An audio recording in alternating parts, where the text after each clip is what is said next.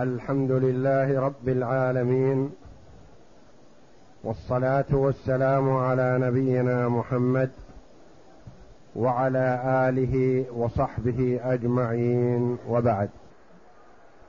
بسم الله. بسم الله الرحمن الرحيم. قال المؤلف رحمه الله تعالى فصل وليس لرب المال وطء جارية من المضاربة لأن لغيره فيها حقا. فإن فعل فلا حد عليه لأنها ملكه. وإن لم تعلق منه فالمضاربة بحالها. وإن علقت منه فالولد حر وتصير أم ولد له وتخرج من المضاربة وتحسب عليه قيمتها. ويأخذ المضارب حصته من الربح مما بقي. هذه الفصول أوردها المؤلف رحمه الله تعالى في شراء من يعتق عليه وفيما إذا وطئ الجارية المشترات وحملت منه أو لم تحمل وكان الواطئ مثلا هو العامل أو رب المال ونحو ذلك. هذه مسائل كانت موجودة في وقت المؤلف رحمه الله تعالى ويحتاج إليها. وبالنسبة للوقت الحاضر قد لا يحتاج إليها لكن لكونها مسائل فقهية تتعلق في البيع والشراء والمضاربة ونحو ذلك يحسن بنا أن نمر عليها ولا نتساهل فيها أو نقول لا حاجة لنا إليها ونحو ذلك. فمسائل الكتاب إن لم تكن مطبقة هي نفسها فمثيلاتها وحاجتنا إليها. وهذا دليل على سعة الفقه الإسلامي وأن العلماء رحمهم الله لم يتركوا صغيرة ولا كبيرة إلا بينوا حكمها وما يترتب عليها. ولا يقال إن هذه المسائل مثلا ما توجد في هذا العصر فلسنا بحاجة إليها. ندرسها كمسائل وأمثلة قد توجد. قد تنقطع في وقت من الأوقات وتحتاج إليها في وقت آخر. وبحثها أسلافنا ودرسوها وبينوا أحكامها فنحن نستفيد منها. ثم نستفيد من ترتيب المسائل وما يترتب عليها إن وجد حمل أو لم يوجد حمل وكذا تشحذ الذهن وتجعل الإنسان يرتب المسائل ويستفيد منها في غيرها من المسائل الأخرى. فلا نستكثر مثلا وجودها في الكتاب وتركيز المؤلف رحمه الله تعالى عليها في كتبه في مثل هذا الكتاب الكافي وفي المغني وغيرها من كتب الفقه الإسلامي. يبينون رحمهم الله المسائل على أنها موجودة أو قد توجد ولا يقال هذا لسنا بحاجة إليه ونحو ذلك. قول المؤلف رحمه الله فصل وليس لرب المال وطء جارية من المضاربة. رب المال المالك للمال أعطاه للمضارب. المضارب غير الأجير وغير الموظف الذي يعمل عنده وإنما هو مضارب بجزء من الربح. يسمى مضاربة ويسمى قراض بجزء من الربح. فرب العامل اشترى جارية أو جاريتين أو أكثر كمتاجرة تاجر يطلب الربح من ورائها. هل يسوغ لرب المال أن يستمتع بواحدة منها؟ لا. لما؟ لأنها ليست ملكه خاصة.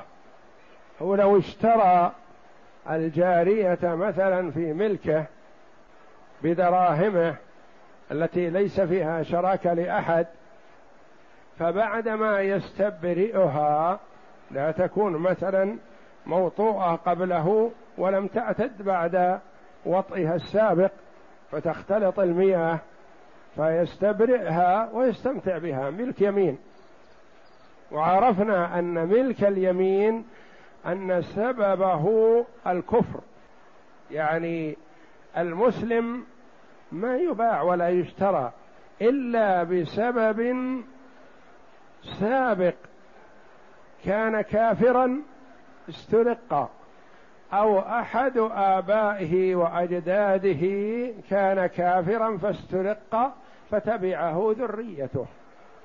ثم بعد وجود الرق وكان موجود في الجهاد في سبيل الله إذا غنم المسلمون وتغلبوا على الكفار واستولوا على نسائهم وأطفالهم ورجالهم فالإمام له نظر هذا سيأتي في باب الجهاد في سبيل الله وفي الغنائم لكن إذا قسم السبي هذا بين الغانمين فتكون الجارية هذه لهذا الرجل. ما يحل له أن يطأها أو يقربها حتى يستبرئها. يعني بمثابة العدة بالنسبة للمطلقة أو المتوفى عنها يعني حتى يعلم براءة رحمها ولا يكفي التحليل بل لابد من الاستبراء الشرعي. فإذا استبرأها مثلا فله أن يستمتع بها هي ملك يمين وله قبل أن يستمتع بها أن يهبها لأبيه أو يهبها لابنه ما دام ما مسها. أو يهبها لغيرهم من المسلمين وله أن يبيعها هي ملك. فإذا استمتع بها هو فلا يجوز أن يعطيها لأبيه ولا لابنه لأنه ما يمكن أن يستمتع الأب وابنه بامرأة واحدة. وإذا استمتع بها وجامعها فإن حملت منه أصبحت أم ولد. ما يسوغ له بيعها. وإنما يسوغ إذا فارقها أن يزوجها وهي أم ولد تعتق بوفاة سيدها. إذا حملت منه ولدت أو أسقطت ما تبين فيه خلق إنسان. وإذا كان نصيبه غلام فهو يكون رقيق له يملكه يبيعه يستخدمه يخدمه يكون بمثابة ملكه. يبيعه أو يهبه أو يتصرف فيه. وهكذا فهذا هو الرق. فالرق في الإسلام بسبب الكفر. ثم إن الإسلام رغب في التحرير. أن يحرر المسلم رقيقه لوجه الله. أو أن يحرره كفارة عتق رقبة لكونه قتل قتل خطأ. فالكفارة عتق رقبة. لكونه جامع في نهار رمضان كفارة عتق رقبة. لكونه ظاهر من زوجته وأراد أن يعود فالكفارة عتق رقبة. وهكذا الكفارات أولها عتق رقبة. كفارة اليمين إطعام عشرة مساكين أو كسوتهم أو تحرير رقبة. وهكذا فالإسلام يشجع على التحرير بشرط أن يكون الرجل الذي يحرر قادر على القيام بنفسه فيحرره لأجل أن يعمل في المجتمع ويكون عضو عامل في المجتمع مفيد لنفسه ولمن حوله. فالجارية هذه إذا اشتراها العامل بمال المضاربة ما تحل للعامل لأن المال ليس ماله. ولا تحل لرب المال لأن المال ليس له وحده. ربما يكون للعامل هذا عشرة بالمية عشرين بالمية ثلاثين بالمية من الربح. فتكون مملوكة بين اثنين فلا تحل لواحد منهما. وعرفنا إذا تجرأ العامل ووطئها أن ولده يكون رقيق لأنه وطئ امرأة لا تحل له. وهل يقام عليه الحد أو لا يقام كما تقدم. إذا وطئها رب المال إذا وطئها رب المال فالمسألة أخف لأنه صاحب المال لكن فيه شرك فيه سهم بسيط للعامل يعطى إياه. نقول ممنوع لكن وطئ إن وطئ فلا نقيم عليه حد ولا نلزمه بمهر ونحو ذلك لأنها ملكه وإنما تخصم من مال المضاربة وتعطى قيمتها مما تدخل بدلها في المضاربة. وإن حملت منه أصبحت أم ولد لأن الوطء هذا حصل من مالك فتكون أم ولد أم الولد ما تباع وإنما تعتق بوفاة سيدها. وليس لرب المال وطء جارية من المضاربة لأن لغيره فيها حق. من هو؟ المضارب. فإن فعل يعني وطئها فلا حد عليه لأن جلها ملك له لأنها ملكه. وإن لم تعلق به تعلق منه يعني تعلق تحمل. وإن لم تعلق منه فالمضاربة بحالها. يعني لو وطئها استمتع بها أسبوع أو شهر هي ملكه. ثم يرده للبضاعة. يقول للعامل إذا ما حملت منه بعها طاب خاطري منها مثلا بعها فيستبرئها ويبيعها. إن علقت منه يعني حملت خلاص. حررت نفسها بهذا الحمل فلا فلا يحل بيعها ولا ترجع للمضاربة وإنما تبقى أم ولد أم الولد بين الزوجة وبين الأمة. ليست بأمة من كل وجه وليست بزوجة فهي لا قسم لها ولا ترث مثل الزوجات وليست مثل الإماء تباع لا لأنها حملت.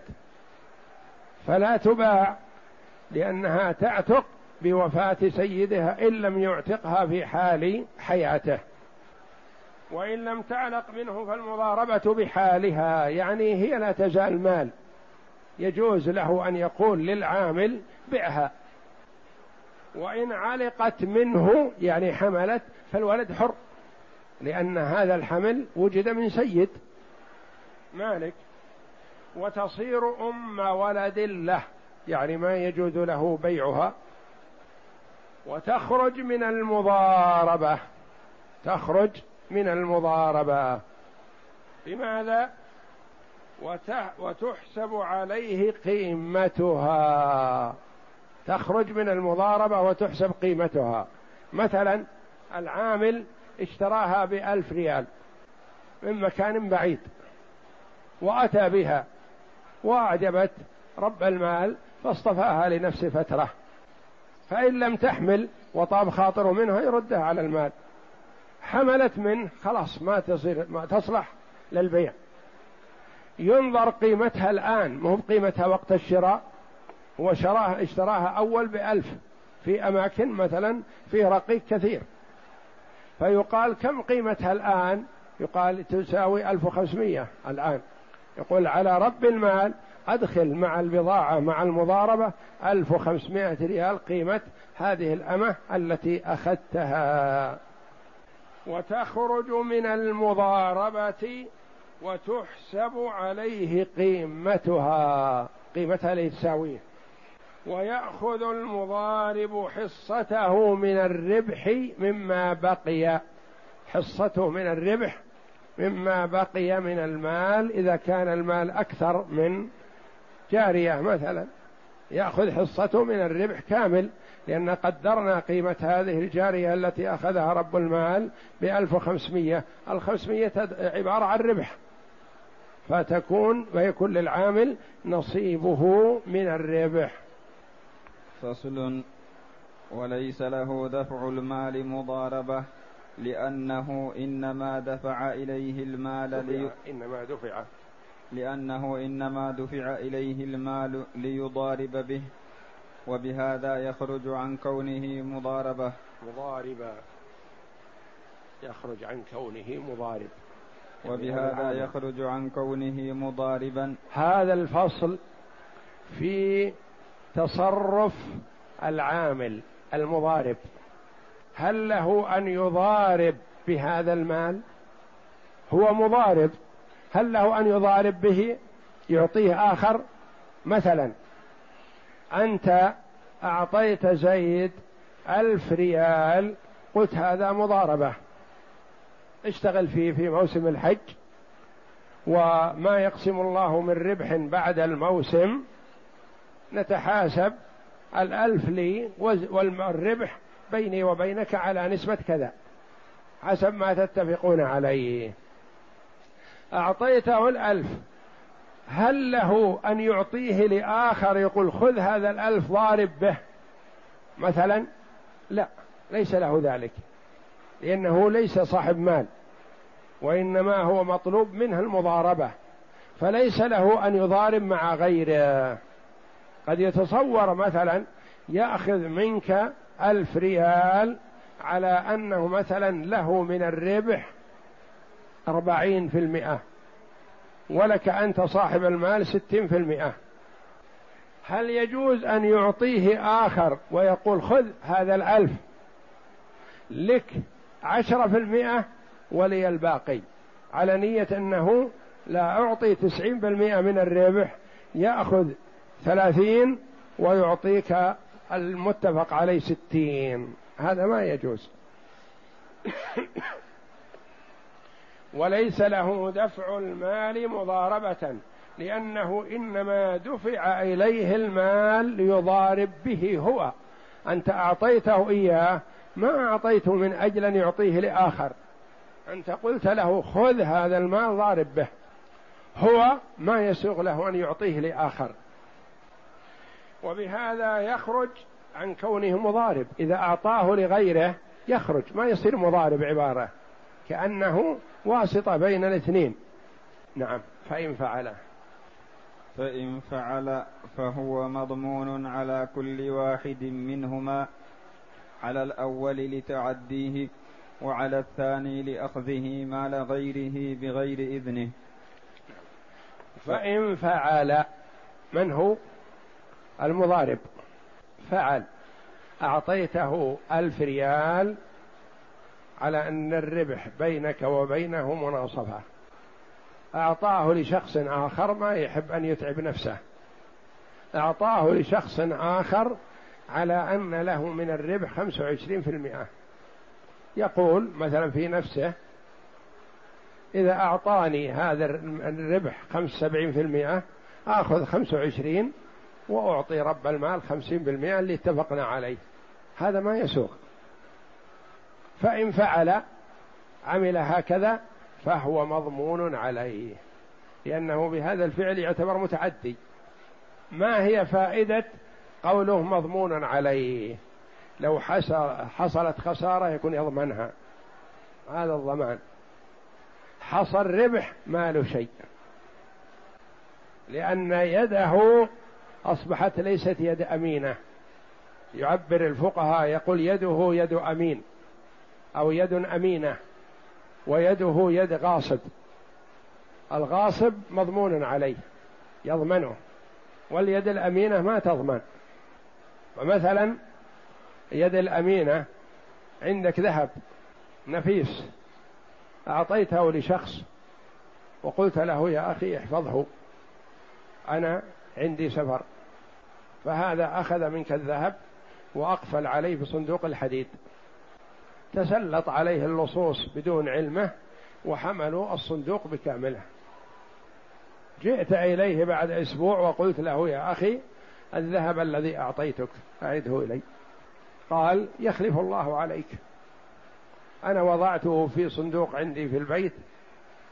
فتسلط عليه اللصوص وأخذوه. مع ما في الصندوق لي من ذهب ومال. فقلت له يخلف الله عليك أنت. أنا أريد أمانتي. أنا أمنتك هذه الدراهم لازم تعيد هذا الذهب. فذهبتما إلى القاضي. أنت تريد أن تغرمه وهو يريد البراءة. يقول ما ما فرطتنا القاضي سيقول لك صاحبك هذا يده يد أمينة. ما فرط أثبت أنه مفرط أو متساهل فنلزمه. ما دام لم يفرط ولم يتساهل فلا نلزمه بشيء. لأن يده يد أمينة.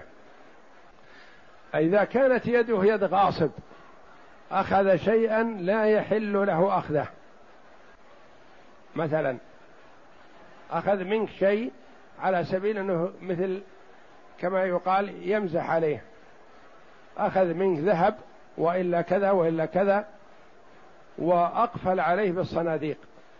يقول خلوه بعد أسبوع بعد عشرة أيام يأتي يطالب به. فأخذه وأقفل عليه. ثم سرق. طلبته أنت. قال والله أنا أخذت منك الذهب صحيح لكني أقفلت عليه بالصندوق الحديد وسرق هو الصندوق جميع. وأنا ما فرطت. أنا محتفظ به لكنه سرق هو الصندوق. نقول في هذه الحال يده يد غاصب فيلزمه الضمان حتى لو لم يفرط لأنه ما يحق له أن يأخذ شيء ليس له. فيلزمه ذلك. وهذا العامل المضارب الذي أعطيته المبلغ ليضارب به ثم أعطاه لآخر. هذا يده يد غاصب ما هي بيد أمينة. لأنه ما تقيد بما قيل له وطلب منه حصل الاتفاق عليه. لأنك أنت مثلا حرصت على أن هذا الرجل نفسه يضارب وتعطيه خمسين بالمية. فإذا به يعطي واحد آخر على أساس يكون له خمسة وعشرين بالمئة لأجل يأخذ هو خمسة وعشرين وهو نايم في بيته. ويعطيك أنت خمسين في المئة ما نقص من حقك شيء لكنه أراد أن يدخل بينكم. هذا يده يد غاصب فهي يد ضامنة. إذا تلفت البضاعة والمال مال المضاربة تلف مثلا فيكون عليه الضمان. بخلاف العامل الذي يشتغل بالمال لو تلف رأس المال ما يضمن منه شيء. فإن فعل فهو أي المال مضمون على كل واحد منهما. منهم المضارب الذي اتفقت أنت وإياه والمضارب الآخر الذي اتفق معه المضارب من قبلك. مضمون على الاثنين. وأنت بالخيار. تنظر الأقوى منهم تطالبه وتأخذ حقك. الأول لأنه تصرف تصرف غير صحيح. فتلزمه بالمال حتى لو تلف. والثاني أخذ يتصرف في مال غيره بغير إذن منه. لأنه يعرف أن المال مال زيد والذي أعطاه إياه عمرو. فهو مضمون عليهما. وأنت يا صاحب المال إن شئت ضمنت الأول وإن شئت ضمنت الثاني. ثم فصل رحمه الله. فإن فعل فهو مضمون على كل واحد منهما. على الأول لتعديه. الأول الذي أنت أعطيته المال ليضارب فيه وأعطاه لآخر تضمنه لأنه تعدى. ما تقيد بما اتفقت عليه أنت وإياه. وعلى الثاني إن شئت ضمن الثاني لأنه أحسن حالا مثلا لأنه قبض مال غيره بغير إذنه. يعني ما أعطاه المال صاحبه وإنما أعطاه إنسان أجنبي فما يسوغ له أن يتصرف في مال لم يسلمه صاحبه. وعلى الثاني لأخذه مال غيره بغير إذنه. نعم. فإن غرم الأول ولم يعلم الثاني بالحال لم يرجع عليه لأنه دفعه إليه أمانة. فإن غرم الأول يعني أنت اخترت صاحبك الذي أعطيته المال غرمته فإنه يلزمه أن يضمنه لك. وهل له أن يرجع على ذاك الذي أتلفه؟ لا. إذا لم يكن يعلم الثاني أنه ليس ماله فلا يرجع إليه. وإن علم فسيأتي. نعم. وإن علم رجع عليه. وإن علم الذي أتلف المال علم أن المال لغير هذا الذي أعطاه إياه فمن حق هذا أن يرجع عليه لأنه هو المباشر للإتلاف. نعم. وإن غرم الثاني مع علمه لم يرجع على أحد. وإن غرم الثاني من أول مرة وهو يدري أن المال ليس مال الذي أعطاه فلا يرجع على أحد. يغرم المال ولا يرجع على أحد لأنه هو الذي أتلف المال. نعم.